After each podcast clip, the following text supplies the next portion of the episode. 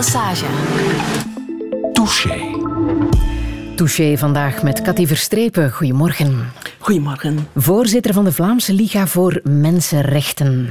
En vorige week is er nog een online ledendag uh, geweest voor uh, de Vlaamse Liga omdat je niet genoeg leden kan hebben voor zo'n uh, liga? Ja, inderdaad. Mensenrechten zijn heel belangrijk. Mensenrechten hebben een enorme impact op ons leven. En uh, de coronamaatregelen die recent genomen zijn, hebben dat nog maar eens aangetoond um, hoe snel mensenrechten eigenlijk opzij geschoven worden. Dus we hebben in Vlaanderen echt nood aan een waakhond, een organisatie die waakt voor die mensenrechten. En ja. dan is de Liga voor Mensenrechten de organisatie bij uitstek. En ja. hoe meer leden we hebben, hoe meer impact we hebben natuurlijk. Dus vandaar dat we graag onze leden in de watten leggen. want mensen staan er allicht niet bij stil dat er inderdaad ook een Vlaamse liga is. Hè. Daarnet hoorden we uh, Wies uh, de Graven van Amnesty International, die internationaal strijden natuurlijk voor uh, de rechten van de mens, maar ook bij ons staan mensenrechten onder druk. Ja, inderdaad. En Amnesty doet schitterend werk. Zij doen dat vooral op internationaal vlak. En de strijd die Amnesty voert tegen de doodstraf is fantastisch. Het is bijzonder jammer dat we nu dit nieuws weer krijgen, want Amnesty behaalt echt wel hele goede resultaten met de acties die zij ondernemen.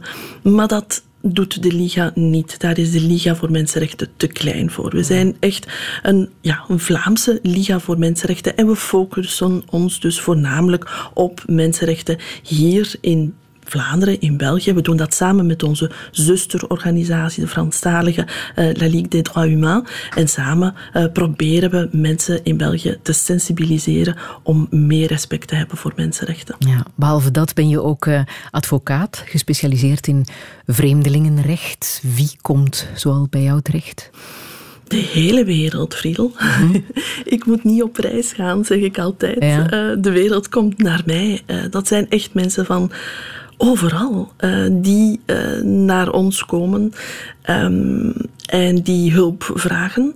Uh, dat kan in een asielprocedure zijn, maar dat kan ook zijn in een procedure gezinshereniging of voor het bekomen van een arbeidskaart of een beroepskaart.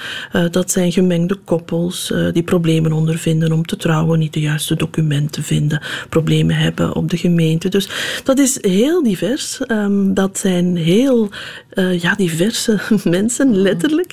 Uh, maar er is eigenlijk één constante in, in al die mensen die ik zie komen van al die landen. En dan vooral bij de mensen die uh, op de vlucht zijn, de mensen die naar hier komen om bescherming te vragen. Dat is dat zij in hun land van herkomst getroffen worden in hun mensenrechten. Daar komt het eigenlijk mm -hmm. altijd op neer. Het is omdat in hun land van herkomst mensenrechten geschonden worden en ze zich niet meer veilig voelen. Het voorbeeld van deze man uh, in Iran die omwille van zijn vrije meningsuiting nu uh, geëxecuteerd wordt.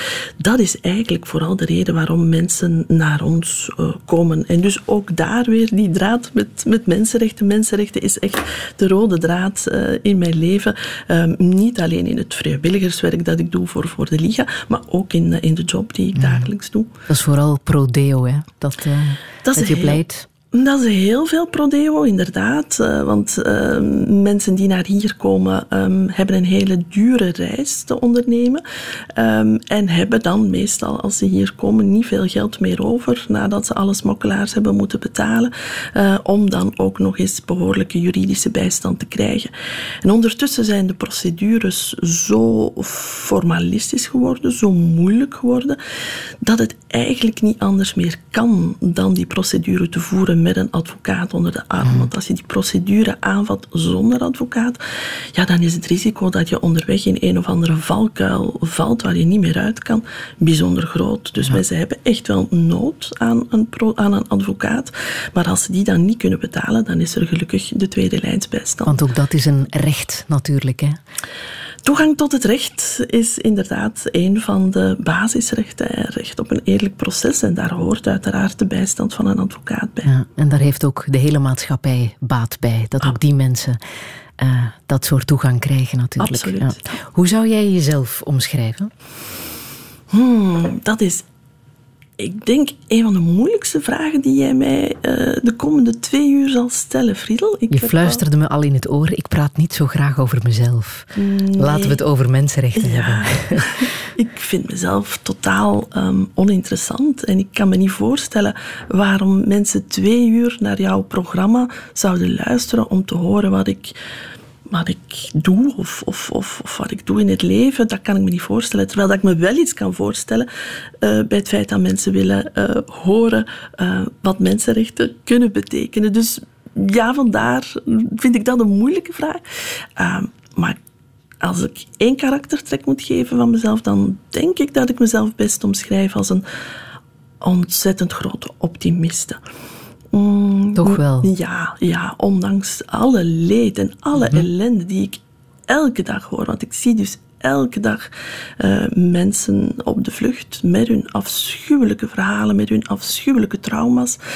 Um, maar toch ben ik een, een, een optimist. Uh, en als ik dat zeg, dan, dan, dan bedoel ik daar eigenlijk mee dat ik altijd um, het goede in mensen uh, probeer te zien. En dat is helemaal niet moeilijk. Ik vind dat altijd vrij snel. Maar ook het goede in, in, in situaties. Ik zal me niet snel laten ontmoedigen door een, een nederlaag. Elke nederlaag is eigenlijk nog meer energie om er tegenaan te gaan en, en het onrecht te, te, bekampen. Um, maar om nog even terug te komen op, op, op, op die goedheid van de mens. Ja, ik, ik heb net gezegd, ik zie dus mensen van over de hele wereld. Um, en het valt mij altijd op hoe, hoe goed de mens is. Mhm. En daarom ben ik ook zo blij met dat, met dat boek uh, van, van Brechtman, De meeste mensen deugen. Um, ik kan helemaal niet goed schrijven, maar als ik zou kunnen schrijven, ik had het boek kunnen schrijven. En Dirk van Duppen is hem daarin uh, voorgegaan, uh, met de supersamenwerker. Maar het boek van Brechtman is toegankelijker. het boek van, van Duppen is, is, leest een beetje moeilijker, maar ja, bij elk woord dat ik las in dat boek dacht ik, ja, dat is wat ik nu al zo lang zeg, maar niemand gelooft mij. Iedereen vindt mij naïef en zegt, oh ja, maar je gaat nog wel eens wat voor hebben. En dan denk ik, ja, ik heb wel van alles voor gehad, maar dan nog.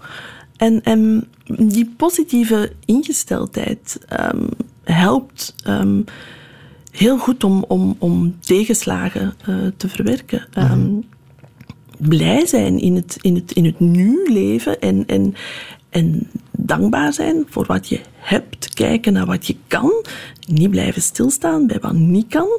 Uh, ja, moet je wachten in de supermarkt aan de kassa, ja, dan kan, kan je staan kniezen en denken van, ah, verdorie, ik had toch die andere rij moeten pakken, want die gaat toch sneller.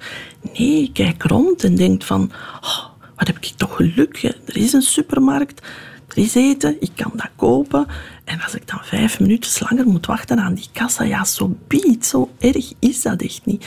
En als je dan eens lacht naar de mensen in je omgeving of zie dat er mensen zijn in je omgeving die zin hebben in een praatje, doe dat dan. En je zult zien, je krijgt fantastische gesprekken. Heel rare dingen die soms gezegd worden, onverwachte dingen. En dat, maakt, dat kruidt het leven, dat maakt het leven aangenaam. Dit gesprek zal het leven ook wel kruiden. Cathy Verstrepen, welkom in Touché. Radio 1. 1. Friedel Lassage. Touché. Oh, new dame, new, how could you go? Twisted sick, but I'm on the floor. Come rescue me.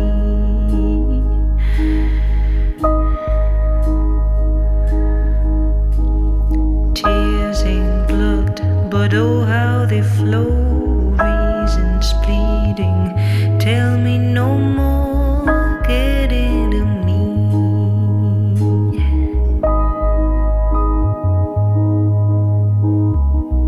I should have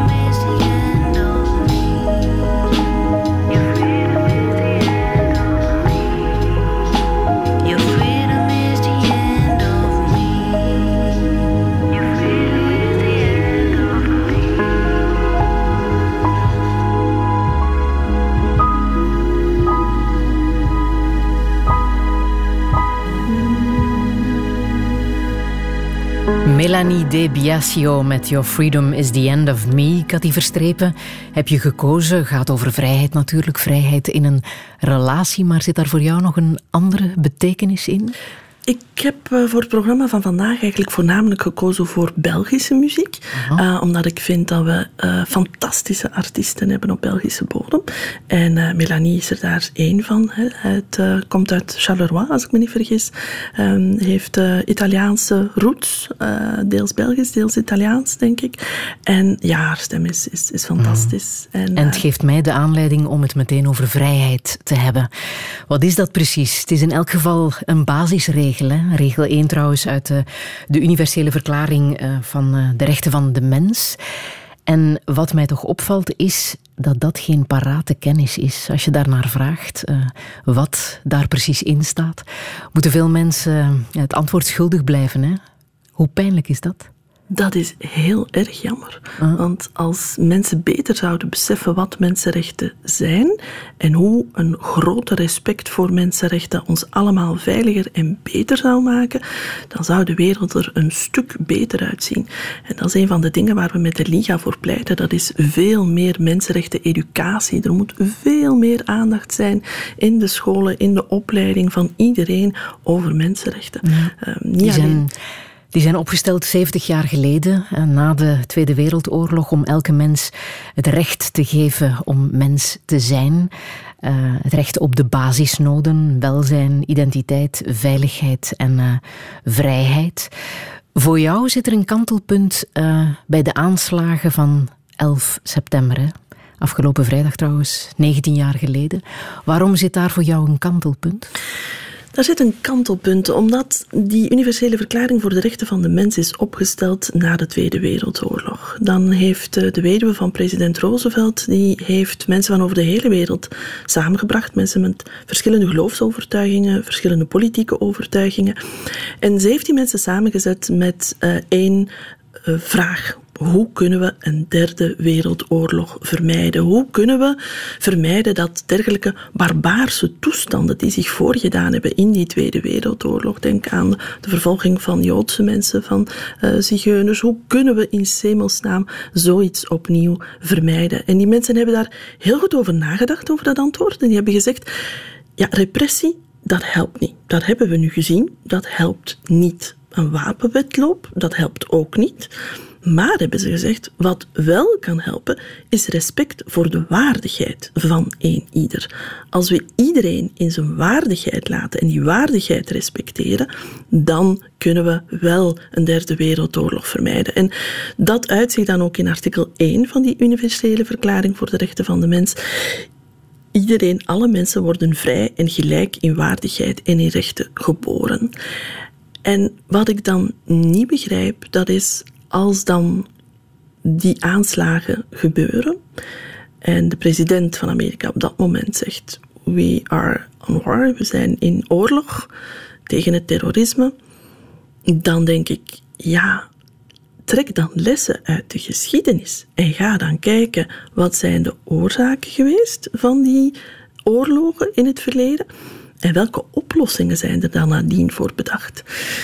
Maar dat gebeurt dan niet. En ik vraag me echt af hoe onze wereld er vandaag zou uitzien als er op dat moment wel gereageerd was met respect voor mensenrechten. Als er op dat moment een solidariteit tot stand gekomen was tussen de verschillende religies, tussen de verschillende politieke strekkingen, om te zeggen: we strijden allen tegen die terroristen, maar we doen dat op een menswaardige manier. We gaan geen maatregelen nemen die mensen dehumaniseren, want die dehumanisering leidt tot hele grote problemen. Dat hebben we gezien al uit de geschiedenis. En ja, die 9-11 is voor mij daar echt een kantelpunt in. Mhm. Nu hoor je wel vaak zeggen dat we uh, in een derde wereldoorlog zitten tegen een virus. De hele wereld strijdt tegen het uh, coronavirus. Als we dat even onder uh, het vergrootglas leggen, in hoeverre worden hier mensenrechten um, gerespecteerd? Want we moeten ons aan heel veel regels houden om het virus te bestrijden. Um, hoe bekijk jij dat? De overheid heeft de plicht om maatregelen te nemen om ons te beschermen. Het recht op leven is natuurlijk het allerbelangrijkste mensenrecht. Je hebt niks aan recht op onderwijs, aan recht op werk als je dood bent. Dat is nogal evident. Hè? Dus het meest basisgrondrecht, als je het zo mag noemen, is dat recht op leven. En de overheid heeft in gevolge de verdragsbepalingen de plicht om burgers te beschermen tegen dat virus en maatregelen te nemen die ervoor zorgen dat we niet ziek worden en dat als we toch ziek worden, er een gezondheidszorg is die ons weer terug beter kan maken. Dus dat er maatregelen moeten genomen worden, is evident. Maar waaraan moeten de maatregelen voldoen? Ja, wat dan als die maatregelen om het recht op leven te beschermen, als die andere mensenrechten beknotten?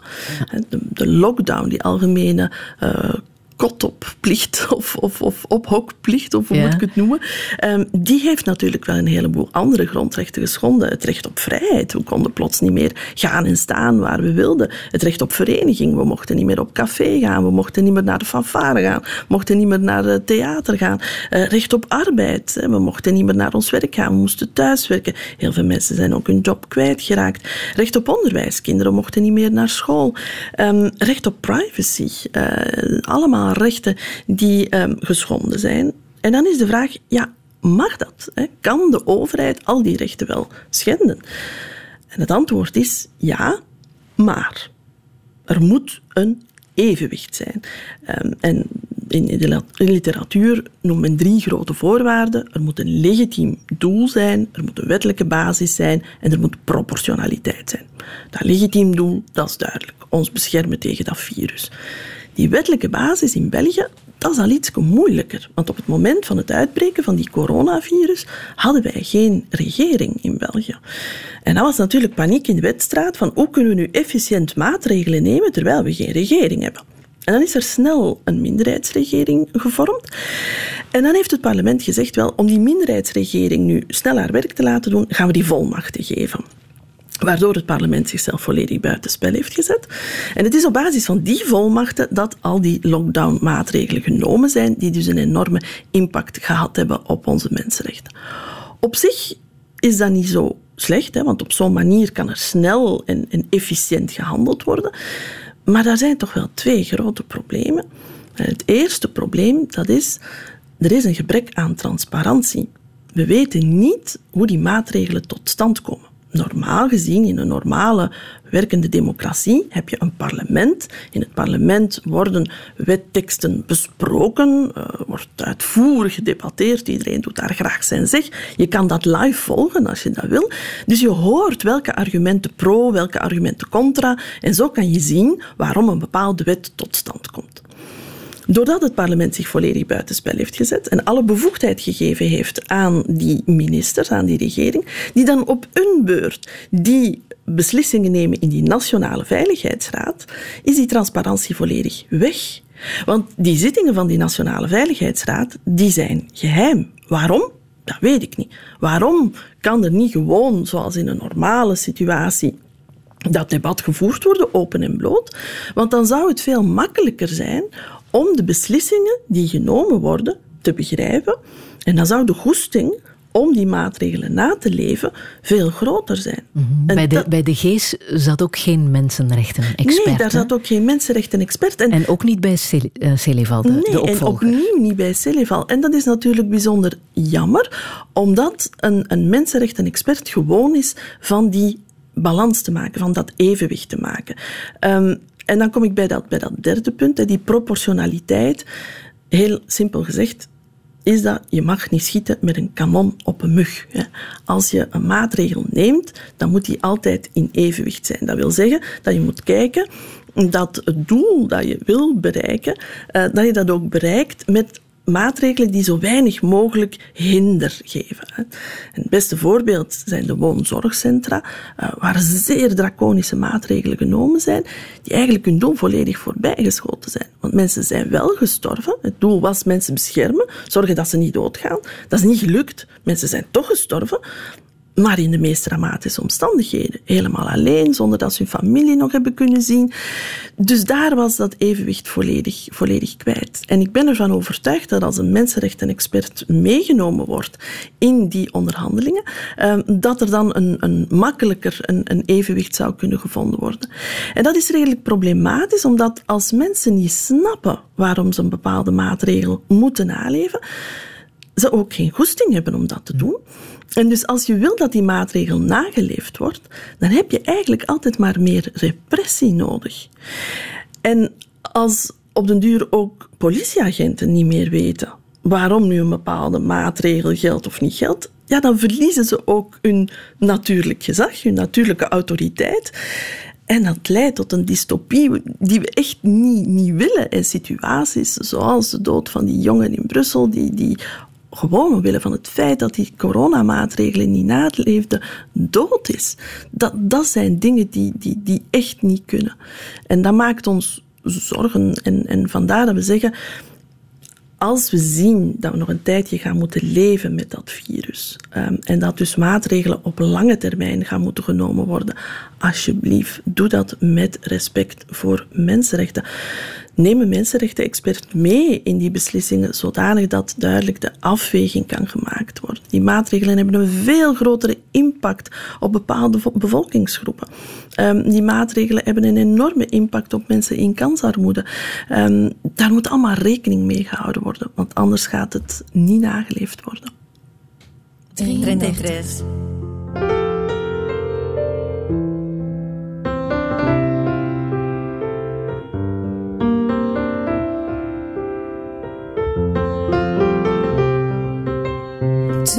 first.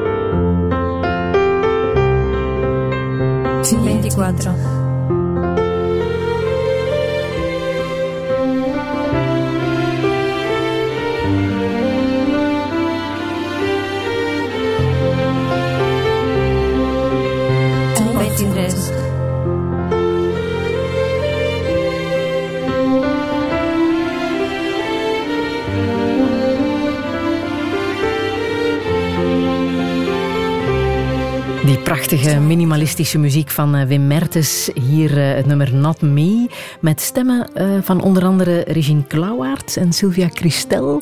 De Spaanse stem, dat weet ik niet, dat heb ik niet teruggevonden. Maar het is jouw keuze, hè? Cathy Verstrepen, voorzitter van de Liga voor Mensenrechten. Wat heb je met deze muziek? Uh, ik vind het gewoon prachtig. Ik, ik, uh, ik hou enorm uh, van dit soort muziek. Het brengt mij echt helemaal tot rust, dit soort muziek. Um, en doet mij ook denken aan soms van die genante situaties. Um, en dat heb je nu helemaal met al die virtuele vergaderingen.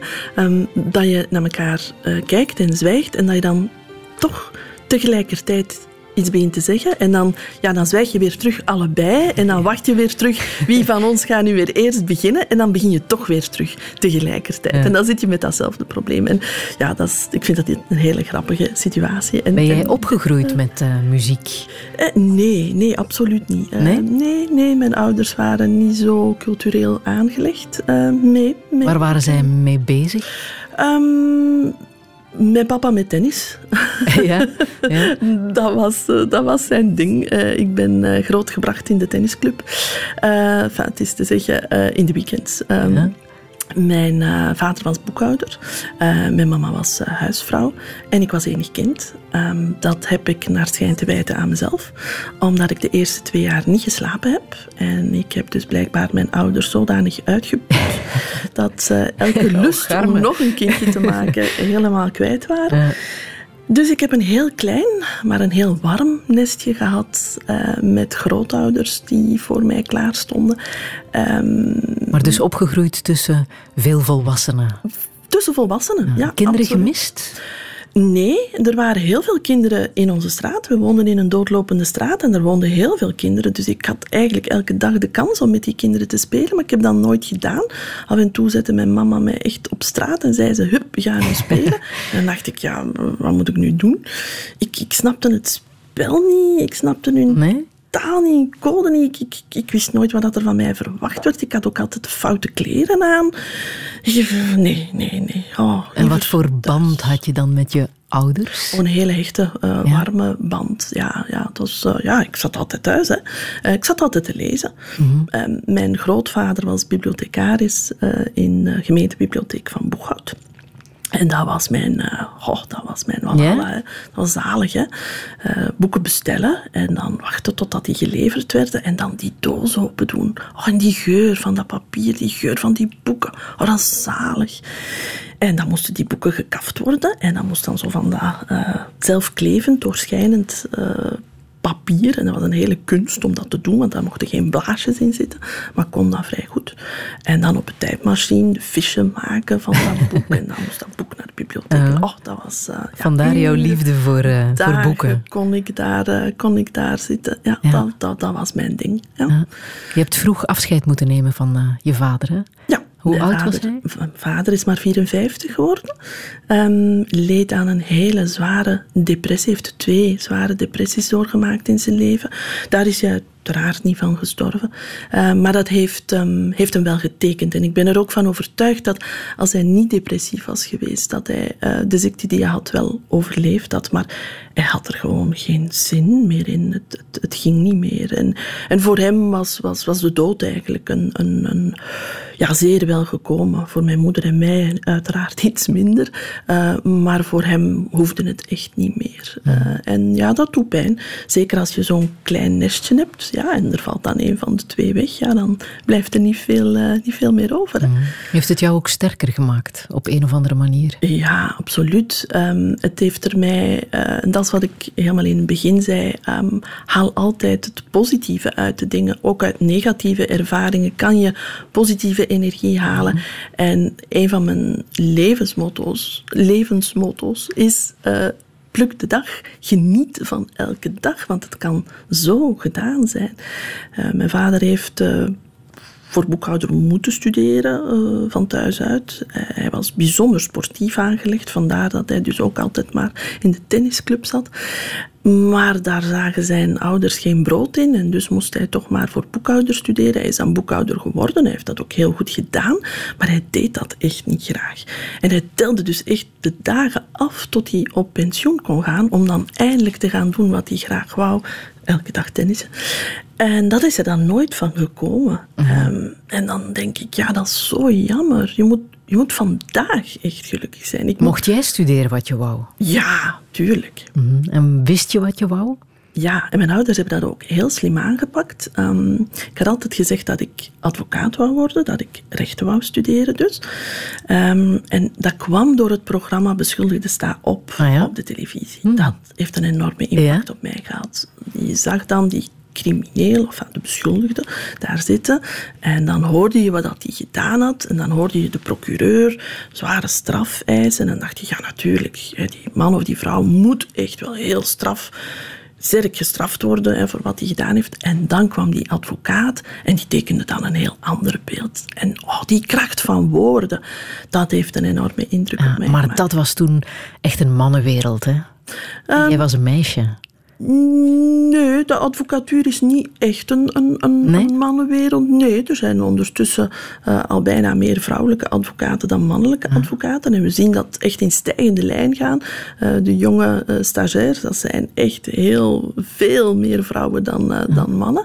Maar als we naar de stafhouders kijken bijvoorbeeld, ben jij wel de eerste vrouwelijke stafhouder in Antwerpen geweest aan de balie? Dat klopt. In, in bestuursorganen mm -hmm. vinden we, zoals bijna overal, weinig vrouwen terug. Nu, de eerste voorzitter van de Orde van Vlaamse Balies was wel een vrouw.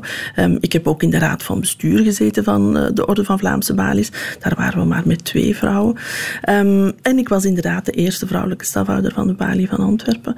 Um, wat voor sommige mannen moeilijk te aanvaarden was. Maar ja? Het, was, het was zo. Ze moesten ermee leven. Hè. Terwijl je daar was om de advocatuur te beschermen, je collega's advocaten uh, te beschermen. Ja. ja, dat is de taak van de advocaten. Enfin, beschermen, het is te zeggen, um, niet in bescherming nemen als het... Als het de belangen te Ja, de belangen. Hè, want als advocaten dingen doen die niet door de beugel kunnen, dan is het aan de stafhouder om, om, om ze te verwijzen in tucht. Um, dus uh, ja, beschermen is misschien niet het juiste woord. Um, maar om, om, om de toegang tot het recht uh, te bewaken en ervoor te zorgen dat mensen uh, bij de juiste advocaat terechtkomen en de juiste rechtshulp krijgen die ze, die ze nodig hebben. En daarvoor heb je een goed gestructureerde balie nodig. En dat was, dat was de bedoeling. Dat is de reden waarom dat ik uh, dat gedaan heb. En ik heb dat heel graag gedaan. Dat is een hele fijne uh, job of mandaat, of hoe moet ik het noemen.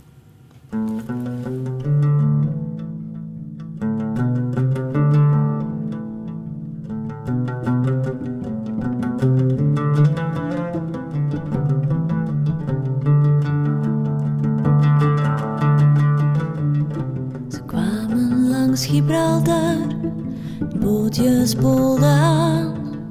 Ze kropen op het strand en zijn de nacht stil ingegaan. Sommigen bleven daar, bleven daar, de anderen gingen door langs hete wegen. Het droge Spaanse land, met droge kleren, zoutig eten, hun huizen in hun hand. Sommigen bleven daar bleven daar, de anderen gingen door de Pyreneeën. Hoog op smalle wegen, hun voeten heet van bloedrood, hebben ze de grens gehaald. Sommigen bleven daar, bleven daar, de anderen gingen door langs autostrades, langs bison kleine hoekjes, nachten wachten Sommigen bleven daar, bleven daar. De anderen gingen door tot aan de Noordzee. Met uitzicht op het kanaal. Beloofde land aan de overkant. Ze bleven even staan. Sommigen bleven staan, bleven staan. De anderen gingen door de prikkeldraden. Langs het donkere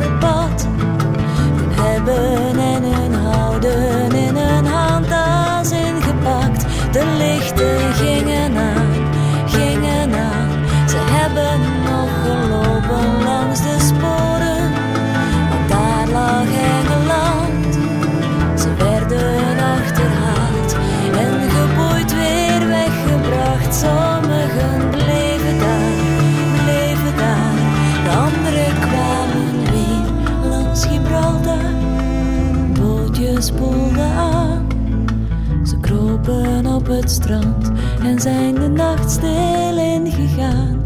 Sommigen bleven daar, bleven daar. De anderen gingen door langs hete wegen. Bedrogen Spaanse land. Met droge kleren, zoutig eten en huizen in hun hand. Sommigen bleven daar, bleven daar.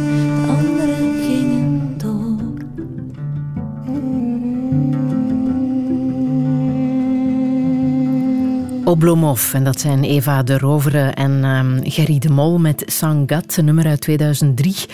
Um, ze hebben de muziek van uh, Daryl Adams uh, geleend. Cathy Verstrepen, voorzitter van de Vlaamse Liga voor uh, Mensenrechten. Het is niet verwonderlijk natuurlijk hè, dat je dit nummer wou laten horen. Uh, nee, inderdaad. Uh, om twee redenen. Uh, eerst en vooral omdat ik Gerry een fantastische muzikant vind. Ik ken hem ook persoonlijk en het is een, een prachtige mens. en een hele goede muzikant vind ik, die veel te weinig op de radio gehoord wordt. Bij dus deze is dat gecorrigeerd. voilà. en ten tweede natuurlijk omdat het gaat over mensen op de vlucht. mensen op de vlucht die ik elke dag zie en hoor en voel.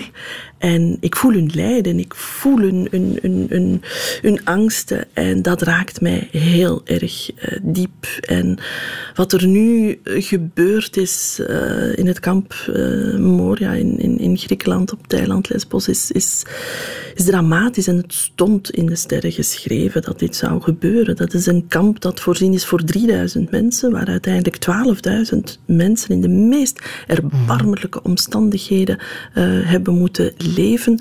Al jaren klaagt iedereen die situatie aan en zegt: dit kan niet. En de politici weten dat. Ze weten dat die schrijnende situaties daar bestaan. En ze doen er niks aan. Mm -hmm. En wat nog, nog erger is, dat is dat ze er ook niks willen aan doen. En dat vind ik eigenlijk echt wel crimineel.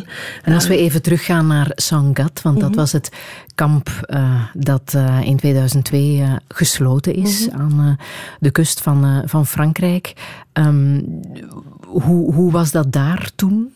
Dat waren vergelijkbare situaties. Hè. Dat, dat was eigenlijk uh, ja, bijna even erg. Maar ja, je hebt nu in Calais heb je, heb je dezelfde situatie. Er, er zijn zoveel mensen die door de mazen van het net vallen en die geen opvang hebben, um, dat je dergelijke situaties krijgt. En dat komt dan onder de aandacht op het moment dat het dan is ontploft. Um, maar zover zouden we het absoluut niet mogen laten komen. En, en ik vind het bijzonder schrijnend dat politici deze mensen gebruiken als een politiek wapen. Want dat is het echt. Men gebruikt die mensen in dubbel opzicht. Eén, gebruikt men hen om aan andere vluchtelingen duidelijk te maken: kom niet naar hier, want we helpen je niet. Er is geen opvang, je krijgt geen steun, er is geen procedure, dus blijf hier weg. Kom zeker en vast niet naar hier. En Griekenland gebruikt nu de mensen in Moria als pasmunt in, in, in binnen de Europese Unie om te zeggen, doe iets aan die Dublin-regels. Want de Dublin-regels, dat zijn afspraken die gemaakt worden tussen de verschillende Europese landen, waarbij er gezegd wordt, en dat is ook logisch, een asielprocedure wordt maar één keer gevoerd, in één land. Je kan niet gaan shoppen en dat is proberen in Nederland en dan nog eens in Duitsland en dan nog eens in Frankrijk. Dat is logisch. Er is maar één Europees land dat de asielprocedure behandelt. Dan zijn er allerlei regeltjes, de Dublin-regels, om uit te maken welk land is dat dan. En meestal is dat het eerste land van aankomst. Nu, door de geografische ligging is dat natuurlijk vaak Griekenland of Italië. Hè? Want daar komen de meeste mensen aan. Maar dat is natuurlijk niet eerlijk, want Griekenland kan die toestroom niet aan. En vandaar dat Griekenland vraagt aan de andere landen solidariteit. Alsjeblieft, help ons en neem een paar van die mensen over, zodanig dat de last, bij wijze van spreken, de druk en de kosten verbonden aan zo'n asielprocedure en de opvang, dat die verspreid is. Maar de andere Europese landen willen dat niet. En die laten Griekenland in de steek. En Griekenland zegt dan, ja, als wij nu de omstandigheden in die kampen gaan verbeteren, ja, dan gaat de druk op de andere Europese landen om het probleem op te lossen verdwijnen. Want dan gaan die zeggen: Oh, maar waarom moeten wij helpen? Mensen zitten daar toch goed bij jullie in die kampen. Dus ja, die mensen worden echt gebruikt als een politiek wapen. En dat is dan voor de zoveelste keer dat die mensen gebruikt worden als politiek wapen. Zij zijn al het slachtoffer van politieke vervolging, van oorlog, van machts pellen uh, in hun land, um, hebben daar al vreselijke trauma's meegemaakt, maken dan een reis die nog traumatischer is en komen dan hier terecht in, in, in, een, in een werelddeel waarvan ze denken, ah, daar geldt de conventie van Genève, daar geldt de, de, de rechten van de mens, nu gaan we eindelijk eens eh, beschermd worden in onze rechten en dan gebeurt er zoiets met hen. Mhm. En de wanhoop die dat creëert bij mensen is, is onvoorstelbaar en, en dat raakt mij heel erg diep. En dat is een van de, de dingen waar ik echt voor wil ijveren, voor een, voor een beter uh, asiel- uh, en een migratiebeleid. Want het, het dat, doe je al, dat doe je al jaren, hè? want je was uh, advocaat in een dossier wat heel veel mensen, denk ik, heeft geraakt. ondertussen acht jaar geleden het dossier van de Afghaan Parvais Sangari, die is uitgewezen. Um, ben je er nog steeds van overtuigd dat dat niet had moeten gebeuren? Dat hij niet terug naar zijn land had gemoeten? Ja, daar ben ik nog altijd van overtuigd. Hij was hier als 16-jarige aangekomen. Ja, als niet begeleide minderjarige uit Afghanistan, zoals zoveel jongens, was hij naar hier gekomen, had zich volledig geïntegreerd, um, had Nederlands geleerd, had een job geleerd, had werk, had een liefje, um, had een, een, vrouw die zich over hem ontfermde, die ook bereid was om hem te adopteren. Um, en dan plots ja, moest hij weg. Uh, en dat was bijzonder arbitrair, want op het moment dat hij was aangehouden, was er een andere jongen op dezelfde dezelfde trein, in dezelfde omstandigheden, die ook aangehouden werd. Um, en die werd wel geregulariseerd. En dat onrecht was voor hem. Uh, die ongelijkheid in behandeling was voor hem heel moeilijk te begrijpen en voor mij heel moeilijk om aan hem uit te leggen. Is er veel veranderd tussen toen en nu? Nee, jammer genoeg niet. Nee? Nee, nee in tegendeel. Um, ik weet niet of, of uh, u zich de zaak uh, Semira Adamou nog herinnert. Ja, de, de, de, vrouw ja. die uitgewezen is en dan gestorven is onderweg. Naar aanleiding van die gedwongen repatriëring is een uh, commissie tot stand gekomen. De commissie Vermeers, waarbij aan professor Etienne Vermeers gevraagd is om na te denken met een aantal andere mensen van hoe kunnen we dat beleid anders doen. Hè, dat er geen doden meer vallen bij ons repatriëringsbeleid. Er zijn dan een aantal aanbevelingen gedaan, maar uiteraard zijn ondertussen de omstandigheden veranderd. En er is dan gezegd, kijk, die aanbevelingen zijn niet meer actueel. We gaan die uh, herbekijken. En dan is er een nieuwe commissie opgericht, de commissie Bos-Zuid. Um, ook weer naar de voorzitter, Mark Bossuit. Die, heeft al, die werkt al heel lang aan, aan zo'n nieuw rapport. Dat wordt nu aangekondigd voor volgende week. Maar er is toch al één ballonnetje opgelaten. En dat is dat hij zegt van we moeten van uh, mensen die in illegaal verblijf zijn, de vervolging daarvan moeten we prioritair maken. En we moeten die mensen opsluiten tot gevangenisstraffen van een jaar. En dan denk ik, ja maar nee, je hebt het echt nog altijd niet begrepen. Hè? De voorbije jaren is er alsmaar meer repressie gekomen. Er is Er zijn alsmaar meer plaatsen gecreëerd in gesloten centra waar men mensen kan opsluiten met het oog op repatriëring. En wat zien we? Naarmate er meer repressies en er meer geïnvesteerd wordt in gesloten centra, daalt het aantal gedwongen repatriëringen. Dus dat recept, dat werkt niet dan moet je toch niet denken van, ja, nu gaan we gewoon meer van hetzelfde doen. Nee, als je ziet dat iets niet werkt, dan zoek je naar alternatieven. En die alternatieven, die zijn er. En we hebben die ook aangereikt, want een heleboel NGO's hebben zich verenigd, hebben een tijdje geleden een alternatief rapport voorgesteld in de Kamer en hebben gezegd, kijk, we hebben vele alternatieven voor die opsluiting. Opsluiting enkel en alleen om administratieve redenen kan eigenlijk niet. Die mensen hebben hmm. niks misdaan. Die hebben geen misdrijf gepleegd. Het enige waar we niet mee in orde zijn, is hun verblijfsvergunning. Maar dus mensen opsluiten, echt het laatste, het aller, allerlaatste redmiddel. Heeft een, een vrijheidsbeperking heeft een enorme impact op een mens. Dus je moet dat echt reserveren voor de situaties waarin het echt niet meer anders kan. En er zijn zoveel alternatieven. Grijp die alternatieven, probeer die. En het beste wat er kan gebeuren, dat is dat er eventjes een, een time-out komt. Dat er samen met die mensen gekeken wordt naar een oplossing. Van kijk, je bent naar hier gekomen, je hebt een procedure gevoerd, je wordt niet erkend als vluchteling en nu moet je terug. En hoe gaan we dat nu samen oplossen? Maar betrek de persoon waarover het gaat, betrek die daarin. En als je dat niet doet en je doet dat alleen op een repressieve manier, dan gaan mensen zich ontzettend hard verzetten. En dan krijg je een enorme polarisatie. De, de vreemdeling die, die, die niet terug wil en alles doet om toch te mogen blijven. En de overheid die alles gaat doen om die toch terug te sturen. Ja, en, en op de duur heb je alsmaar meer geweld daarbij nodig. En dat is echt niet de oplossing.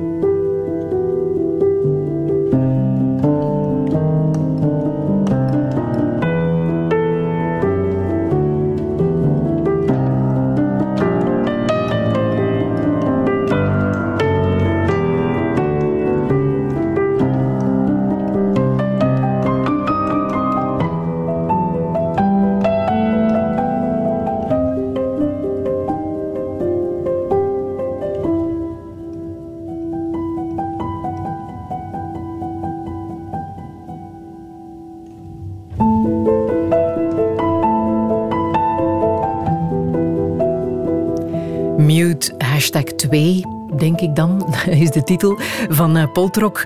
Weer die rustige pianomuziek. Hè. Cathy Verstrepen, volgens mij is dat de muziek die van s morgens tot s avonds bij jou uh, thuis te horen is. Ja, dat kloppen? Inderdaad, ja. Dus, uh, ik heb een vrij hectisch leven. Ik, um, voor coronatijden rustte ik van links naar rechts. En um, dan brengt deze muziek inderdaad rust. Ja, en dat is heel... De juiste compensatie. En, ja. En dit weer klinkt in dat prachtige Art Deco-huis waar je kantoor en waar je zelf ook uh, je thuis voelt in Antwerpen? Het is een Art Nouveau huis. Art Nouveau. Ja, ja, mhm. ja. Sorry.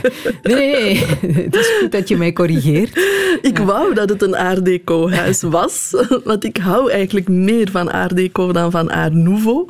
Uh, maar het zou bijzonder ondankbaar zijn uh, om... Uh, wat zegt dat over jouw liefde voor, voor kunst, voor schoonheid? Oh ja, heel veel. Hè. Ik, ik, ehm, ik ben daar heel gevoelig aan. Ik ben heel gevoelig aan, aan, aan, aan schoonheid ehm, en aan architectuur. Als je ziet wat architectuur met een mens kan doen, dat, en wat schoonheid met een mens kan doen, dat is echt heel veel. Ik merk dat bij cliënten, um, we zorgen er altijd voor, want dus, we hebben nu 15 jaar geleden dat huis op de kop kunnen tikken. Dat is echt een pareltje. Dat is, dat is echt een heel mooi Art Nouveau pand dat um, nog een hele goede staat was. Het is te zeggen, er was ontzettend veel werk aan, maar er was niks echt fundamenteel kapot. Dus we hebben het allemaal nog kunnen restaureren met heel veel geduld en heel veel werk. Uh, maar dat is gelukt. En je voelt dat mensen dat heel hard waarderen. En dat is raar. Mensen van over de hele wereld, van, van in het kleinste dorpje mhm. in Afghanistan, die denk ik toch nog nooit zo'n huis gezien hebben, die komen binnen en het eerste wat die zeggen, oh mevrouw, wat is dit hier mooi. En dat is, ja, dat is, dat is zalig, hè? Dat, dat, dat, dat ondanks al die ellende waarin dat mensen leven, ondanks de super schrijnende dingen die ze meemaken, dat je dan merkt dat mensen dat zien, die schoonheid, en dat hen dat ook raakt. En dat geeft direct een, een, een, een verbondenheid, want dat zorgt ervoor dat als je dezelfde dingen mooi vindt en waardeert, dat je veel makkelijker tot een, tot een gesprek komt. Want meestal zijn dat niet zo'n gemakkelijke gesprekken die wij mhm. moeten hebben met onze cliënten. Maar dus ik ben daar heel gevoelig aan. Ik, ik, ik werk en ik woon daar, dus ik zit daar heel veel, want ik werk heel veel. Um, dus het is, het is heel fijn om in zo'n mooie omgeving te mogen zitten. En daar kijk je ook wel veel series, heb ik begrepen. Mhm.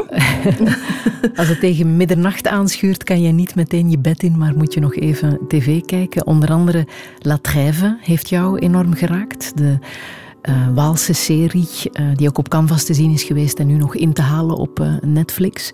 Omdat het gaat over een zwarte jongen in een klein dorpje in Wallonië. Nee, dat dan niet. Um, dat is eigenlijk, dat heb ik echt nodig om die deklik te maken. Als toch, het heeft weer raakvlakken met waar je zelf professioneel mee bezig bent. Ja, misschien zoek ik ze dan toch weer wel, ja. Uh, Was het herkenbaar trouwens, het verhaal van uh? Ja, ja, zeker. Uh, maar ik denk niet dat ik er daarom naar, naar, naar kijk. Het is, het is echt, ik heb nood, als ik, als ik zo'n hele dag ellende over mij heb gekregen en, en, en, de meest dramatische verhalen heb, heb gehoord en bijna in negen van de tien gevallen heb moeten zeggen: Sorry, ik, ik kan niet helpen. Ik zou heel graag helpen, maar ik, ik kan niet helpen. Ik kan u niet helpen. En dan moeten uitleggen. Ja, dan heb je s'avonds wel even ontlading nodig. En dat is dan zo meestal tussen half twaalf en half één. Uh, dan, uh, ja, dan, dan, dan zet ik nog zo'n serie op. Maar dat, dat kan van alles zijn.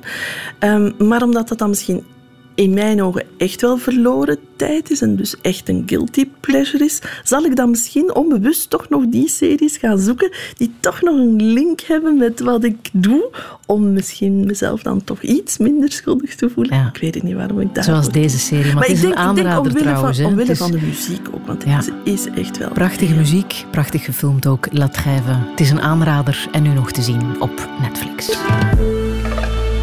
Radio massage.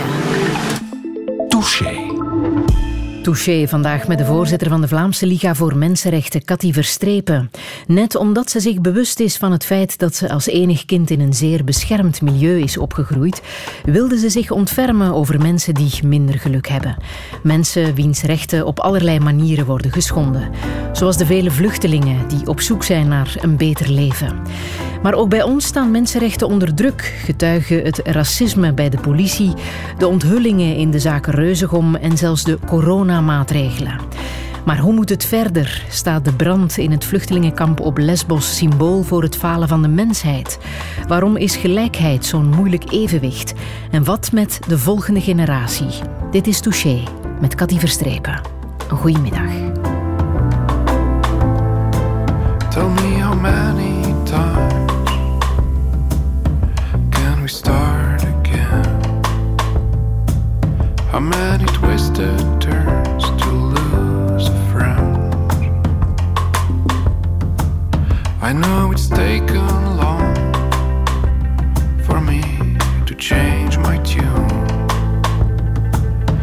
said that it's too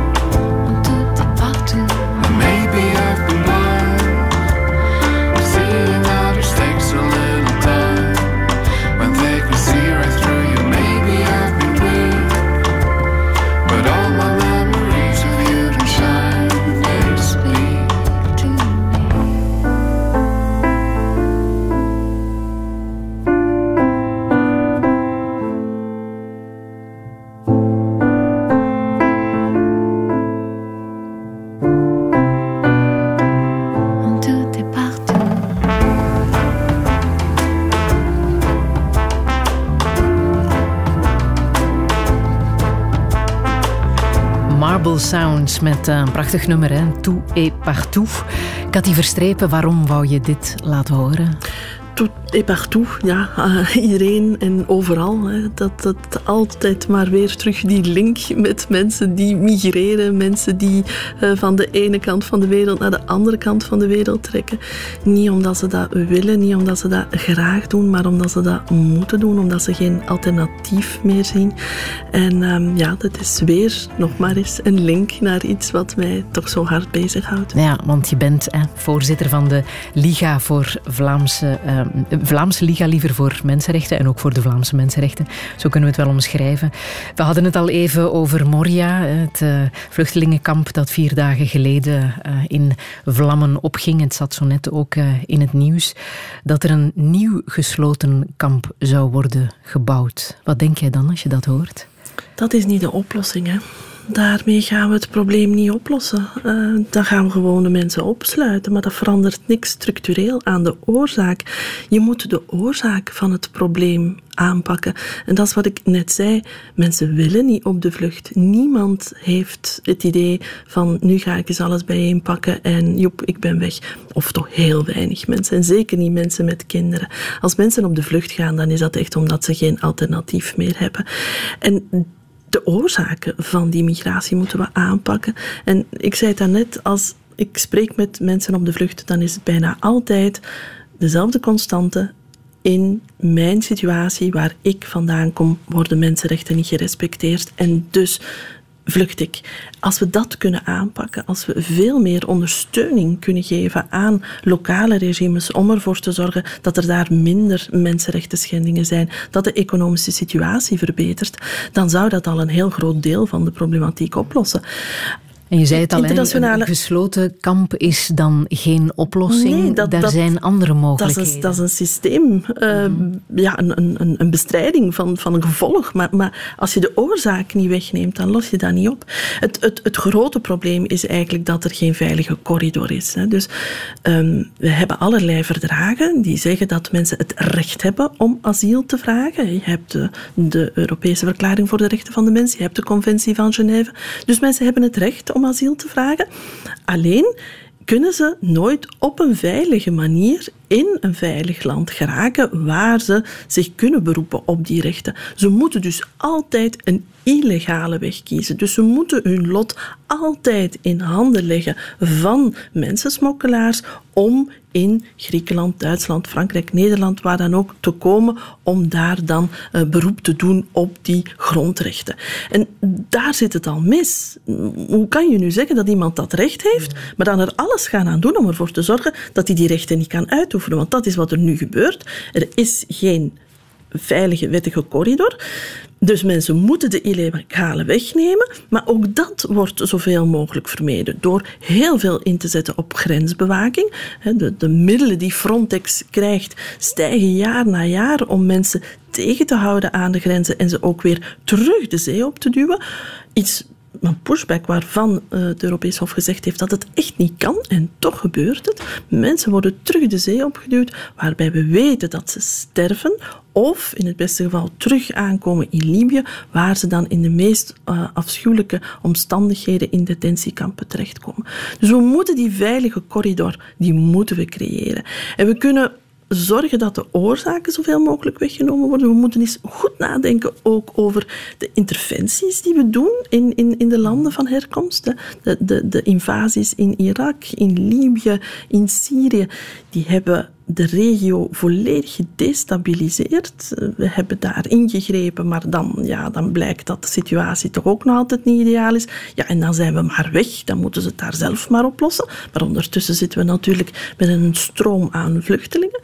Dus daar moet goed over nagedacht worden. Er moet ook eens goed nagedacht worden over wapenhandel. Want heel veel mensen die hier bij ons terechtkomen en onze hulpvragen zijn gebombardeerd door wapens die wij hebben geleverd. Hoe pervers kan het zijn? En ik begrijp dat daar economische belangen spelen en dat men zegt, ja, maar de wapenindustrie is een belangrijke industrie bij ons. Oké, maar ik denk dat er daar reconversiemogelijkheden zijn. Als je ziet hoeveel geld er naar die grensbewaking gaat, waarvan we weten dat ze niet werkt, want de mensen komen ondanks al die maatregelen, toch nog toe in Griekenland en elders. Dus het werkt niet. Dan kan je misschien dat geld beter inzetten voor reconversie. En dat is misschien een veel nuttigere oplossing. Je kan ook andere migratiekanalen creëren. Want nu is er alleen maar die asielprocedure. Maar je kan bijvoorbeeld ook arbeidsmigratie gaan versoepelen. Heel veel mensen komen naar hier om politieke redenen, maar ook om de economische gevolgen van die politiek die gevoerd wordt in hun land van herkomst. En die mensen die willen eigenlijk niet echt bescherming, die willen gewoon werken. Die kunnen ook heel goed werken. De werkgevers zitten daar vaak ook om te schreeuwen, om die, die mensen te kunnen te werk te stellen, maar dat gaat niet. De regels in verband met arbeidsmigratie zijn zo complex dat dat niet lukt. En dan krijg je natuurlijk soms misbruik van de asielprocedure. Want ja, als je dan in die procedure zit, ja, dan mag je wel werken. Maar dat is natuurlijk ook niet de bedoeling. Hetzelfde met gezinshereniging. De regels voor de gezinshereniging zijn zo streng dat heel veel mensen uit de boot vallen en geen beroep kunnen doen op die gezinshereniging.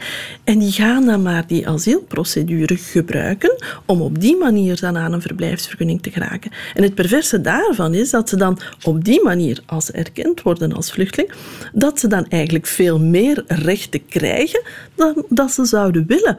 Ze willen helemaal geen bescherming, ze willen helemaal geen OCW-steun. Nee, ze willen gewoon bij hun partner zijn en werken. Maar dat kan niet op een wettelijke manier. En dus moet dat dan via die asielprocedure. Dat is niet de bedoeling. Dus er zijn zoveel mogelijkheden nog, zoveel dingen die kunnen, maar men maakt er geen werk van. En dan denk ik, politici, gewoon doen, vooruit. Avanti, en marche. Het is aan jullie. Waarom lees ik die oplossingen niet in jullie programma's? Waarom? Zou het eh, te maken kunnen hebben met ja, de publieke opinie, eh, die misschien dat hele verhaal ook te weinig ehm, op een juiste manier begrijpt? Hè? Als je eh, termen hoort als asielcrisis, we worden overspoeld door vluchtelingen, ze komen hier om onze jobs in te nemen. Trouwens ook vragen die Siska Schoeters dinsdag zal stellen in haar programma Durf te vragen. Het feit dat ze daar al voor kiest om met vluchtelingen te praten, wil zeggen dat er heel veel vragen zijn die misschien helemaal niet juist zijn. Hè? Vragen die echt wel genuanceerd moeten worden. Zoals bijvoorbeeld, zijn jullie hier om onze jobs af te nemen? Ja. Hoe zit dat? Ehm, ik ben heel blij dat, eh, dat Siska die vragen gaat stellen. En dan kijk ik toch wel eventjes naar jou, Friedel. Niet jou persoonlijk, maar na- naar de journalisten. Want ik vind dat journalisten daar een heel belangrijke taak hebben. Ehm, en ik denk dat journalisten eh, zich niet voldoende bewust zijn van de impact van ehm, hun werk op dat vlak. Wie schrijft er over crisissen? Wie schrijft er over tsunamis van vluchtelingen? Wie neemt of, of plaatst die foto's? Ehm, dat zijn journalisten. Je moet weten, er zijn wereldwijd 70 miljoen mensen op de vlucht. Van die 70 miljoen zijn er 700.000 die in Europa terechtkomen. Van die 700.000 zijn er ongeveer 25.000 die in België terechtkomen. Ik heb rechten gestudeerd omdat ik niet kan rekenen, dus ik ga de rekensom niet maken. Maar ik weet dat we met ande- eh, 11 miljoen en half ongeveer zijn we in België. Dus 11 miljoen en half inwoners en we hebben 25.000 asielzoekers. Is dat een tsunami? Is dat een stroom? Worden wij overspoeld? Ik denk het niet. Maar elke keer als ik uitgenodigd word op de televisie om te komen praten over migratierecht, dan zie ik dat men op de achtergrond, achter mijn rug, heeft men dan foto's van stromen mensen. Nu ook weer in Moria. Die, die, die grote getallen van mensen. En dat wekt angst op. En ja, je, je vergeet het individu en, en, en de manier waarop dat beeld gemaakt wordt, dehumaniseert die mensen. Ik zie die mensen één voor één bij mij op kantoor. Ik zie de mens. Ik zie niet dat geheel. En als je die mens achter dat verhaal ziet, ja, dan heb je een heel ander beeld. En dat is wat ik vind dat journalisten veel meer zouden moeten doen. En daarom ben ik zo blij met dat initiatief van, van, van Siska, om te kijken wie is de mens achter die vluchteling. Want dat zijn mensen zoals jij en ik. En de mensen die de voorbije zes maanden bij jou zijn geweest, hebben ook moeten dealen met die coronacrisis. Hoe maken zij corona door in ons land? Mensen zonder papieren, mensen in een asielprocedure? Voor hen is de situatie natuurlijk nog veel erger dan voor ons. Hè. Eh, zeker omdat op een bepaald moment men beslist dat er geen eh, asielaanvragen meer konden ingediend worden. Dus de dienst Vreemdelingenzaken had gewoon de deur op slot gedaan. Eh, wat betekent dat mensen dus hun aanvraag niet konden indienen. Maar zolang je geen aanvraag indient, heb je uiteraard ook geen recht op opvang. Dus mensen sliepen op straat, zwangere vrouwen, mensen met kinderen, minderjarigen dwaalden door parken en, en straten. eh, wat natuurlijk voor niemand gezond is. Eh, niet voor hen, maar ook niet voor ons. Dus dat is absoluut niet ideaal. Ehm, maar niet alleen mensen op de vlucht hebben, hebben meer hinder gehad nog van die coronamaatregelen dan, dan, dan wij. Ook gewoon eh, mensen die al een verblijfsvergunning hebben, ehm, maar die bijvoorbeeld graag de Belgische nationaliteit zouden aanvragen, maar daarvoor moeten bewijzen dat ze 468 dagen gewerkt hebben. Mm, Mensen met een migratieachtergrond zijn eh, vaak mensen die ehm, terechtkomen in tijdelijke jobs. Wat maakt dat zij natuurlijk de eerste zijn die afvallen uh, als de cafés en de restaurants sluiten. Mm -hmm. um, dus zij zijn de eerste slachtoffers. Daardoor komen ze niet in aanmerking voor de Belgische nationaliteit, komen ze vaak ook niet in aanmerking voor gezinshereniging. Ik, ik herinner me een gesprek met een koppel uit Syrië, dat was, dat was vreselijk. Die, die mensen zijn vertrokken vijf jaar geleden uit Syrië. Um, meneer was advocaat, mevrouw was apotheker. Ze zijn naar hier gekomen, zijn ondertussen erkend als, als, als vluchteling. Um, op het moment dat ze vertrokken, zat hun dochter in Amerika. Ze studeerde daar. Ze is daar gebleven. Ze heeft daar rechten gestudeerd. Ze is nu klaar met haar studies. En ze zou dus in aanmerking komen voor gezinshereniging. Waar het niet dat ze ondertussen natuurlijk ouder is dan 18. En ze kan dus uh, alleen maar naar België komen als haar ouders of een van haar ouders Belg worden. Um, door die coronamaatregelen um, zijn ze alle twee hun werk verloren. En komen ze dus geen van de twee aan die 468 dagen. Uh, ja, dat is dramatisch. Hè? Want die dochter hebben ze vijf jaar niet gezien. Die zouden ze nu eindelijk kunnen terugzien. En nu, nu kan dat niet. Um, ja, dat is, dat is heel moeilijk uit te leggen. Mhm. Uh, en, en, maar toch is dat het gezicht en het verhaal dat we nodig hebben om het te begrijpen. Ja, tuurlijk. Want als je, als je die man en die vrouw dan ziet, dat, ja, dat, zijn, dat ben ik. Hè. Hij, is, hij is advocaat, mm. um, zij apotheker. Ja, mijn schoonzus is apotheker. Hè. Dus dat, dat zijn wij. Voor, voor hetzelfde geld waren wij in Syrië geboren en zaten wij nu hier bij een advocaat om, om, om hulp te vragen. Dus die, die, die situaties zijn zo herkenbaar. Die, die, ja, die hakken er wel heel diep op, uh, diep op in.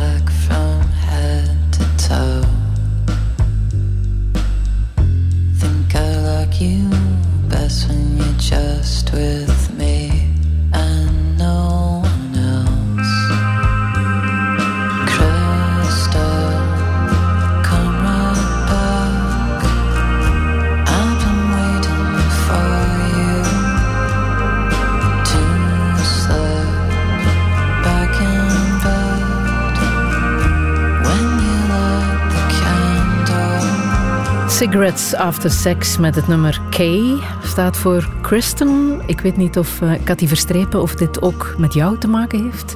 Ben Eh. jij de Kay in, in dit verhaal? Nee, de Kay in dit verhaal is, eh, is Koen, een man. Aha, ja, op die manier. Ja. Ja. Eh, nu, dit, dit nummer ehm, is, is, een, is denk ik het enige nummertje dat niet van Belgische origine is. En ik heb me daar eigenlijk laten aan vangen, want ik dacht dat het wel Belgisch was. En ik ben misleid door een clipje bij het liedje Crush. En dat is een prachtig filmpje dat opgenomen is in het station in Antwerpen. En dus ging ik ervan uit dat het een, eh, een Belgische groep was, maar dat is het niet. En dat heb ik pas nadien ontdekt. Maar ik vind het zo'n mooi liedje ehm, dat ik dacht, ja, we laten het er toch maar in. Je laat nu twee dingen vallen waar ik het graag zou willen over hebben. Antwerpen en jouw man. Wat zullen we kiezen? Het is moeilijk, hè? Twee liefdes van mijn leven. Ja, ja. Eh, mijn eh, man is nogal gesteld op eh, discretie. Dus ik weet niet of hij het zo fijn vindt dat ik heel veel over hem uitweid. Maar ik vind het toch wel belangrijk om het eventjes over hem te hebben. Want hij is wel eh, heel, heel belangrijk in, in mijn leven. Het is mijn eerste lief. Ehm, hij was eh 17 en ik was 16. Ehm, en ik zat dus nog altijd thuis boeken te lezen. Eh, en het was dus nog altijd niet gelukt eh, om mij eh, de straat op te krijgen. En toen stond er in het eh, plaatselijke blaadje, periodiekske, in Mortsel, een kleine advertentie. Jonge auteurs zoeken jonge actrices. En mijn moeder had dat gelezen en die zei, allee, hup, Cathy, bellen, bellen. Jij speelt toch graag toneel, je kunt het goed uitleggen. En wauw, met lange tanden, met mijn moeder naast mij, omdat ik echt onder dwang, ja, gebeld. en ja, dat was eh, niet Koen die opnam, maar een vriend van hem. En die hadden een toneelstuk geschreven. En eh, die zochten dus acteurs en actrices om dat toneelstuk te spelen. En ik kwam binnen en ik zag hem en ik dacht, dat is hem. Ah ja? Dat is hem. Alleen was hij daar nog niet echt van overtuigd. Uh, het heeft dan even geduurd om hem te overtuigen, maar dat is dan toch gelukt. En Ah ja, dus- want je bent advocaat geworden en iemand overtuigen, dat moet een advocaat wel kunnen. Ja. En eh, volgend jaar zullen wij dan, denk ik, eh 40 jaar samen zijn. hè. Mm, nu al eh, proficiat. ja, waarvan Ja. dan 32 jaar getrouwd. Ja. Ja. En waar ook een tweeling uit voort is gesproten. Ja, Hoe is dat om moeder te zijn van een tweeling? Zalig, hè? Ja? Eén- ja, één keer zwanger zijn en je hebt twee kinderen. Dat is, Ja. eh, het was wel geen makkelijke zwangerschap, maar bon, eh, het is, eh, ja, het is... En de band tussen die twee is ook fantastisch Ja? om, om te zien. Het, zijn, het is geen één-eigen tweeling, eh, dus ze, ze, ze verschillen heel hard, eh, zowel van uiterlijk als van karakter. Op Eh, welke maar manier? Hoe, hoe verschillend zijn ze dan? de ene is heel introvert, ehm, de andere extrovert. Mhm. Ehm, en dat heeft hen altijd geholpen, eh, omdat de ene eh, maakte vriendjes eh, en, en de andere ja, die moest dat dan niet doen, want die kon dan mee in de vriendengroep van de andere. Dus ja, ze vullen elkaar heel, heel goed aan. En, en het zijn twee fantastische kerels. En zijn ze op een of andere manier het spoor van hun ouders gevolgd? Nee, absoluut niet. Nee, nee. Ik denk dat ze gezien hebben hoe hard werken dat, dat is. Dus ik denk dat ze alle twee gedacht hebben, nee, nee, nee, in die val gaan we niet trappen. Ehm, nee, absoluut niet. Ze, ze hebben van kleins af aan hadden ze iets met, met eh, alles wat, wat wieltjes heeft. Ah, ja? Nog voor ze konden stappen, konden ze fietsen. En nog voor ze goed en wel konden fietsen, zaten ze al op een brommertje. En nog voor ze goed en wel konden rijden, zaten ze op de motto. En dat doen ze nu nog. Eh, dus het is, het is de liefde voor, voor de mechaniek en, en de Ah, ja. liefde voor motto's en alles wat snel is, dat hun eh, studiekeuze en ook hun werk heeft bepaald. Toch van allebei. Van allebei. Ah, Ze zijn nu... hoe oud? 25. 25. Ja. Dat is zowat de leeftijdsgroep van eh, de studenten. Hè. Eh, reuzegom, ik hoef het woord maar te laten vallen. Mhm. eh, is ook iets wat ehm, jou heel erg heeft geraakt natuurlijk als het gaat over, over rechten, over mensenrechten. Hè. Eh, Ja, Die ja. daar ook niet zijn eh, gerespecteerd. Op welke manier heb je daar met je zonen over gepraat? Mm, mijn zonen zijn niet gedoopt. Ik heb hen dat, ehm, ze hebben daar ook nooit behoefte toe gehad. Ik heb hen dat gevraagd ehm, op het moment dat ze begonnen studeren. Dan heb ik hen gezegd, ja, gaan jullie jullie laten dopen? En dan was het direct van, nee, aan, aan zoiets doen wij niet mee. Ehm, maar, maar ja, wat ik mij dan afvraag, dat is, er zijn twee dingen die, die, die ik niet begrijp. Ik kan, van de kant van de reuzengommers kan ik, kan ik niet snappen dat je een vriend tussen aanhalingstekens zoiets kan aandoen. Dat is iets wat ik, wat ik niet begrijp. Maar aan de andere kant vraag ik mij af, hoe hebben wij als samenleving gefaald dat zo'n briljante kerel als Sanda dacht dat hij reuzengommers of, of, of, of het netwerk van de reuzengommers nodig had om zijn droom te realiseren, dan zijn wij toch echt niet goed bezig. Dat is, dat is eigenlijk um, ja, wat mij het meeste raakt in, in, in dat verhaal.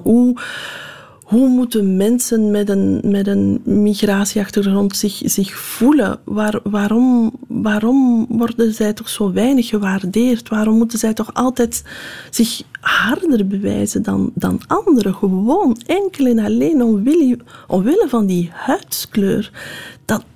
Dat, is iets wat ik, wat ik echt niet kan vatten. En, en ja, dan ga ik weer terug naar artikel 1 van die universele verklaring. Iedereen is toch gelijk. Of, of, of welke geloofsovertuiging je ook hebt, welke kleur je ook hebt, we zijn toch allemaal gelijk. En dat is duidelijk niet het geval. Als, als je dan ziet dat, dat ja, jongens zoals Sanda maar je, ziet, je merkt dat ook aan verhalen van, van, van andere jongeren die zeggen wij moeten ons echt dubbel zo hard bewijzen. En dan denk ik, ja, om die gelijkheid um, te, te bewerkstelligen, om ervoor te zorgen dat iedereen echt... Iedereen is gelijk, hè, maar om, om ervoor te zorgen dat iedereen ook gelijk behandeld wordt, daar heb je wel een overheid voor nodig die ingrijpt en bijstuurt en maatregelen neemt. En dat doen we blijkbaar nog niet genoeg als jongens zoals Sanda, die het perfect konden maken zonder dat netwerk, dat die dan toch denken dat ze zo'n netwerk nodig hebben. Dan falen we.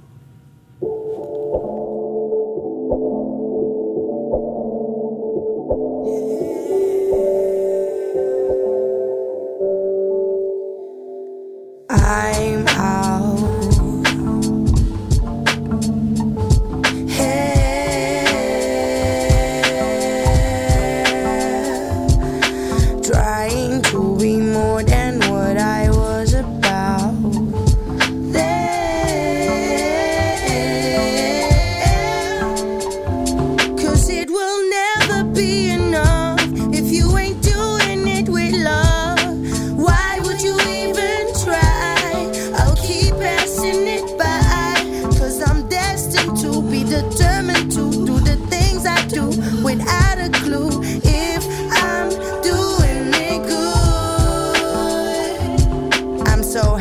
time, love, when it slips away like my J. Today is mine, baby.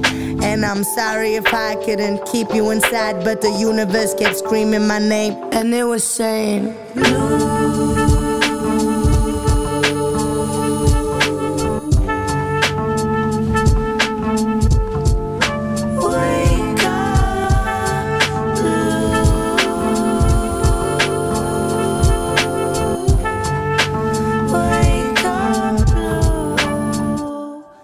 Wake up, don't stay stuck in the same rhythm. Chains make good. Hi hats better paint a sky on the ceiling It's the same thing. Don't smell the same way, like the fragrance and the taste when you breathe in. And it's misleading, so don't blame me when I breathe true. I know everybody else got walls to break too. I just got this need to be honest when I speak to anybody that I let into my crew. Cause I got no time to act fool. Pay attention to what I say or play it cool. And I don't wanna do as you do. Pay attention to what you say or play it cool. I'm sorry, baby, I got no time for sorrow. So please don't shed your tears for me. I'm sorry, baby, I got no time for sorrow. Please don't shed your tears for me. Cause I'm already thinking about tomorrow. Already thinking about tomorrow. Cause I'm already thinking about tomorrow. Already thinking about tomorrow.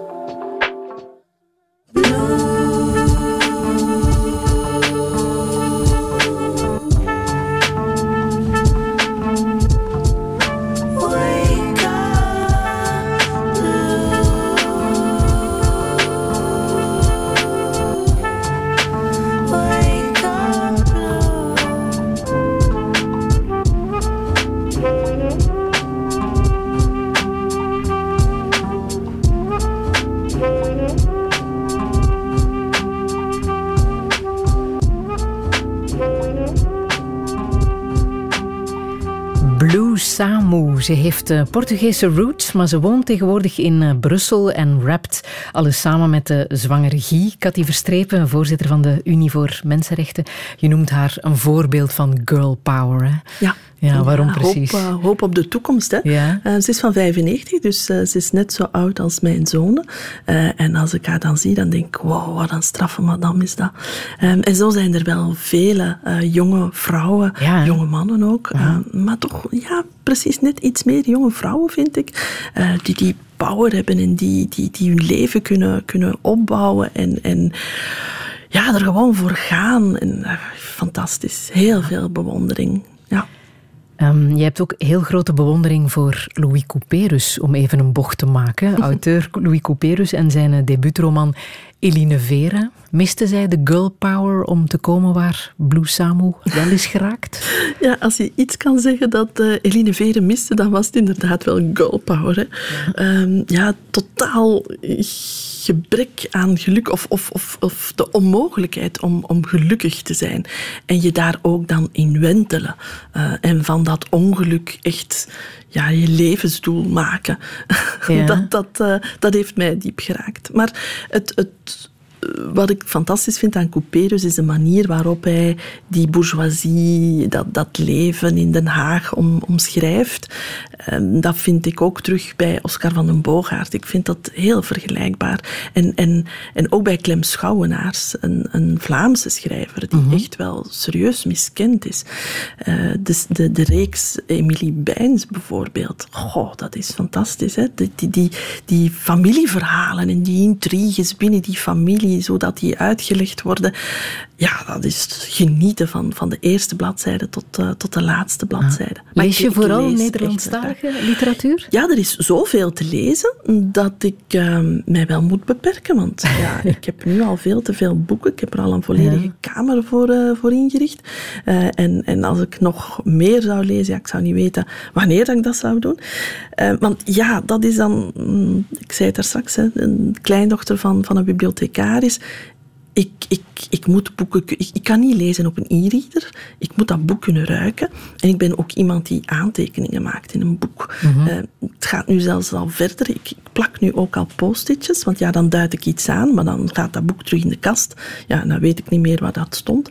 Eh, dus ik plak nu ook al post-itjes. En dat gaat natuurlijk niet in een boek van de bibliotheek. Ehm, ik heb onlangs Max Stemmerman ontdekt. Uh, Coniferen valt eh, ook helemaal in, in die sfeer. En dat doet me dan weer denken aan Simenon. Dat is altijd super om te lezen. hè, En wat ben je nu aan het lezen? eh, nu, op dit moment, eh, ben ik niks aan het lezen. Eh, nee, mijn vorige boek was uit. en ja, ik dat was? groetjes uit België. Ja, dus, Ah, ja? dus ja, ik moet nu weer terug een, een, een, nieuw boek, een nieuw boek vinden. Maar dat is, dat is geen enkel probleem. Ik kom, ja, dat, ik, vind, ik vind altijd wel een boek. Ik, ik, ik, ehm, ja, Dave Eggers eh, lees ik ook heel graag. Dat is dan geen eh, Belg, maar al wie zich vragen stelt bij het belang van privacy, moet echt de cirkel lezen. Dat is bloedstollend. Het belang van, van, van privacy en, en wat het met een mens doet als je geen privacy meer hebt. En als je wil weten hoe het voelt om een tocht door de woestijn te maken als je op de vlucht bent, dan moet je natuurlijk Wat is de Wat lezen. En dan, ehm, als we dan toch bij, bij, bij vluchtelingen zitten, dan denk ik natuurlijk aan Kader Abdollah, die, die eh, Nederlander van, van Iraanse origine. Ehm, en dan heb je nog ehm, Rodan Al-Khalidi, die eh, van Irakese roots is, als ik me niet vergis, en die dan het leven in zo'n asielzoekerscentrum in Nederland beschrijft en de Nederlandse cultuur op een eh, ongelooflijk grappige manier fileert.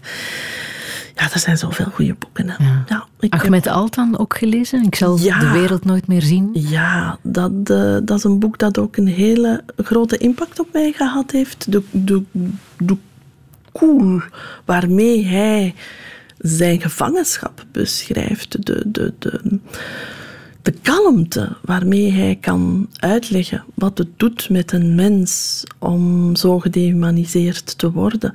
Eh, de passage waarin hij beschrijft hoe hij zich dan moet uitkleden voor, voor die arts die hem dan nauwelijks bekijkt. Oh, dat is zo beklijvend. Hij is een, eh, een Turkse journalist die uh, door het regime van Erdogan ervan verdacht wordt dat hij mee achter de koe zit. Uh, en dus is die al heel lang opgesloten. Is dan op een bepaald moment vrijgelaten, maar dan veertien dagen later weer terug opgesloten. En die heeft dus een boek geschreven, Ik zal de wereld nooit meer zien, omdat hij al redelijk oud is en de omstandigheden in de Turkse gevangenis niet zo optimaal zijn. En hij dus heel bang is dat hij niet meer levend uit de gevangenis zal, zal komen. Wie de, wereld, ja, wie de wereld ook niet meer zal zien is Jozef Chovanek. Hè. Daar hebben we het nog niet over gehad. Uh, ook een zaak die bij jou onder de huid is gekropen, denk ik. Hè? Ik denk bij iedereen die de beelden gezien heeft, is dat, uh, is dat onder de huid gekropen. Die beelden zijn afschuwelijk, afschuwelijk om te zien. En onmiddellijk kwam dan natuurlijk de flashback naar, uh, naar Jonathan Jacob. En dan denk ik, hoe is het mogelijk? Hoe kan het nu toch zijn dat we tien jaar later zijn en dat er precies nog altijd geen lessen getrokken zijn uit wat er zich daar in die cel bij Jonathan Jacob heeft afgespeeld? Nu, dit is een beetje anders, maar toch ook niet. Het, lijkt erop dat het toch iemand is die in een psychose beland is en dat de politieagenten dan eigenlijk absoluut niet weten hoe ze met zo'n psychose moeten omgaan. Dat lijkt ook niet evident, want iemand die in een psychose is, heeft blijkbaar bovenmenselijke krachten en voelt geen pijn meer. Dus die mensen gaan zichzelf verwonden, maar voelen de pijn niet. En, en je hebt blijkbaar heel veel kracht nodig om hen dan tot bedaren te brengen. Maar deze manier is duidelijk niet de juiste manier. En als ik dan mm, kijk, dan, dan, dan zie ik dat er wel sommige politiekorpsen zeggen, ja, we hebben wel een draaiboek. In Antwerpen bijvoorbeeld heeft men dan wel een draaiboek dat men volgt, waardoor dat dan incidenten zoals dit kunnen vermeden worden. Maar andere politiekorpsen zeggen dan, ja, we hebben dat draaiboek niet. En dan denk ik, ja, wat is het nu? Is het er nu? Is het er nu niet? En als het er is, waarom wordt het dan niet door alle korpsen gebruikt? Dus dat, dat, dat verontrust mij toch wel. En dan denk ik, er is toch nog wel werk aan de winkel bij de opleiding van de, van de politieagenten. En ook, het is, het, is, het is niet alleen het geweld dat gebruikt wordt, maar, maar ook de mentaliteit en, het, en de sfeer die daar hangt in die cel. Je moet natuurlijk, en die Hitlergroet natuurlijk. En die Hitlergroet natuurlijk. Je moet natuurlijk heel erg opletten met, met de beelden. Iedereen maakt een eigen interpretatie van die beelden. Ik zal misschien anders naar die beelden kijken dan jij, omdat ik omdat ik andere ervaringen heb dan jij. En nog iemand anders gaat dat ook vanuit zijn eigen ervaringen bekijken. Maar toch, voor die Hitlergroet kan ik toch heel weinig argumenten bedenken. Um, hetzelfde voor, voor, voor dat lacherige sfeertje. Er is iemand aan het sterven en men, men lacht daarbij. Dat is iets wat ik niet begrijp. Maar tegelijkertijd denk ik, ja, we moeten ook wel heel hard opletten dat met die trial by, by media, we, mogen mensen niet veroordelen vooraleer we er echt het fijne van weten. Maar in dit geval, ja, er is geen trial geweest. Het gerecht heeft blijkbaar zijn werk niet gedaan. Dat er na tweeënhalf jaar onderzoek nog altijd geen eindconclusie genomen is, dat is onbegrijpelijk voor mij. Het kan zijn dat als je die beelden in zijn geheel bekijkt en als je alle verklaringen naast elkaar legt, dat je zegt van oké, die politieagenten kan niks verweten worden, maar dan is dat ook zo. En dan sluit je dat dossier af. En, en dan, dan motiveer je waarom je vindt dat het niet tot een vervolging verder moet komen. Maar dat gebeurt niet. Dat onderzoek blijft gewoon liggen. En dan begrijp ik eh, een, burgerlijke partij die zegt van ja, we gaan met deze beelden naar buiten komen, want dat is de enige manier waarop uh, we nog aandacht kunnen vragen. Dus het proces mag niet gevoerd worden in de media, dat klopt. Maar je mag het de media niet verwijten dat ze dat doen als het gerecht het niet doet. Het gerecht moet het doen. En als het gerecht het niet doet, dan is het ook logisch dat de media als vierde macht ingrijpen en zeggen: let op, in dit geval heeft onze rechtsstaat niet gewerkt. De justitie heeft gefaald en dan is het de taak van journalisten om dit naar buiten te brengen en daar aandacht voor te vragen, zodanig dat het gerecht kan remediëren. Dus trial by media, het mag niet, maar het gerecht moet gewoon verhinderen dat het niet kan gebeuren, de, die trial in de media. Ze moeten het zelf doen en dan vermijd je dit.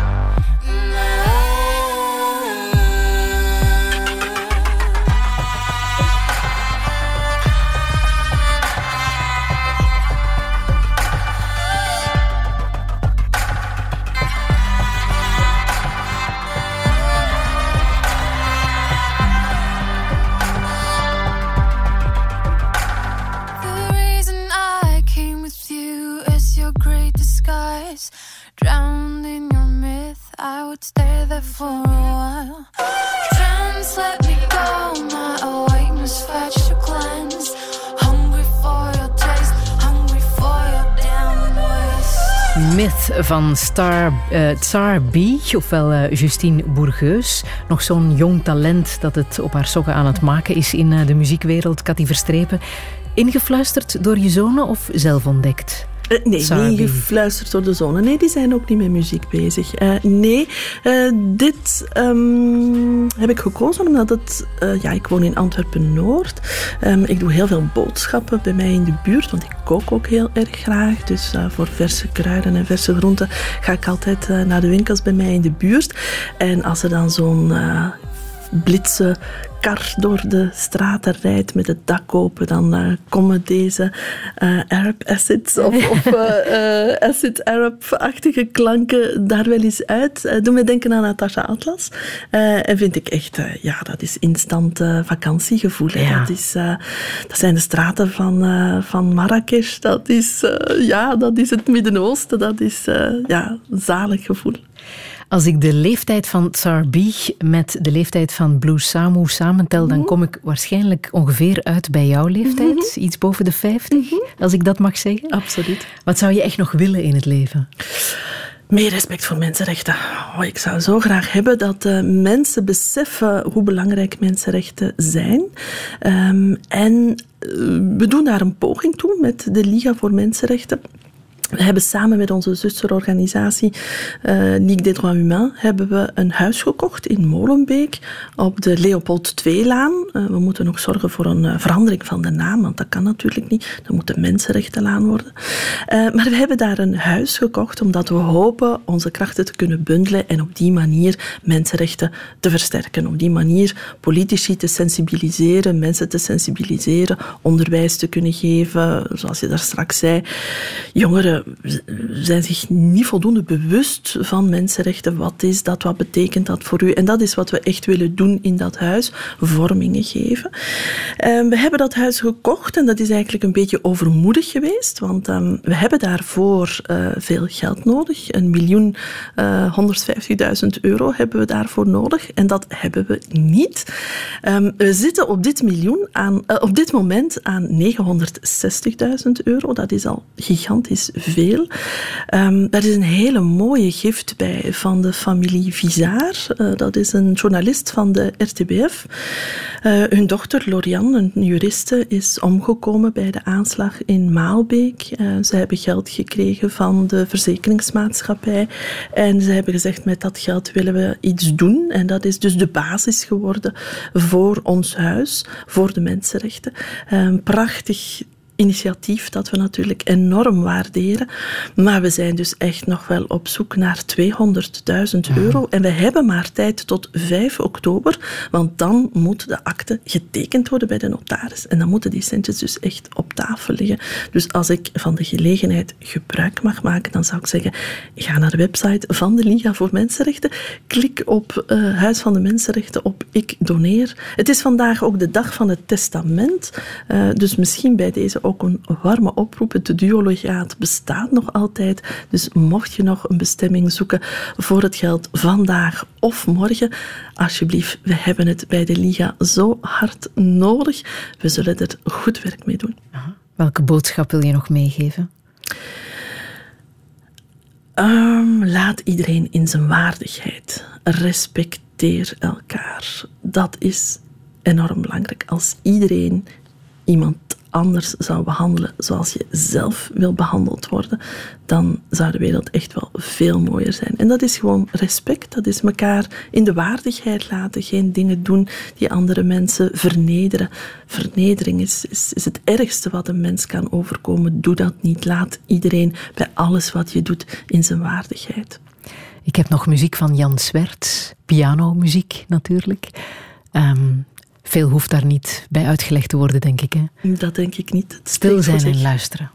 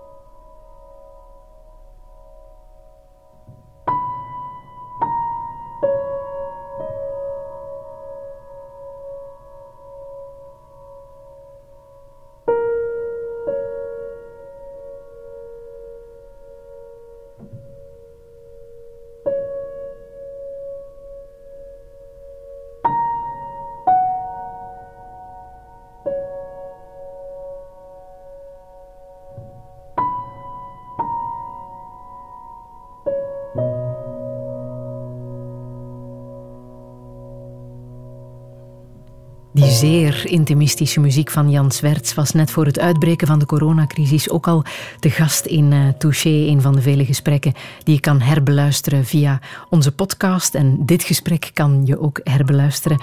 Cathy Verstrepen, dank je wel. Um, alle info staat ook na te lezen op onze website radio1.be. En volgende week verwacht ik hier Goedele de Vrooi. Herbeluister Touché via de podcast, de Radio 1-app en radio1.be. Thank you.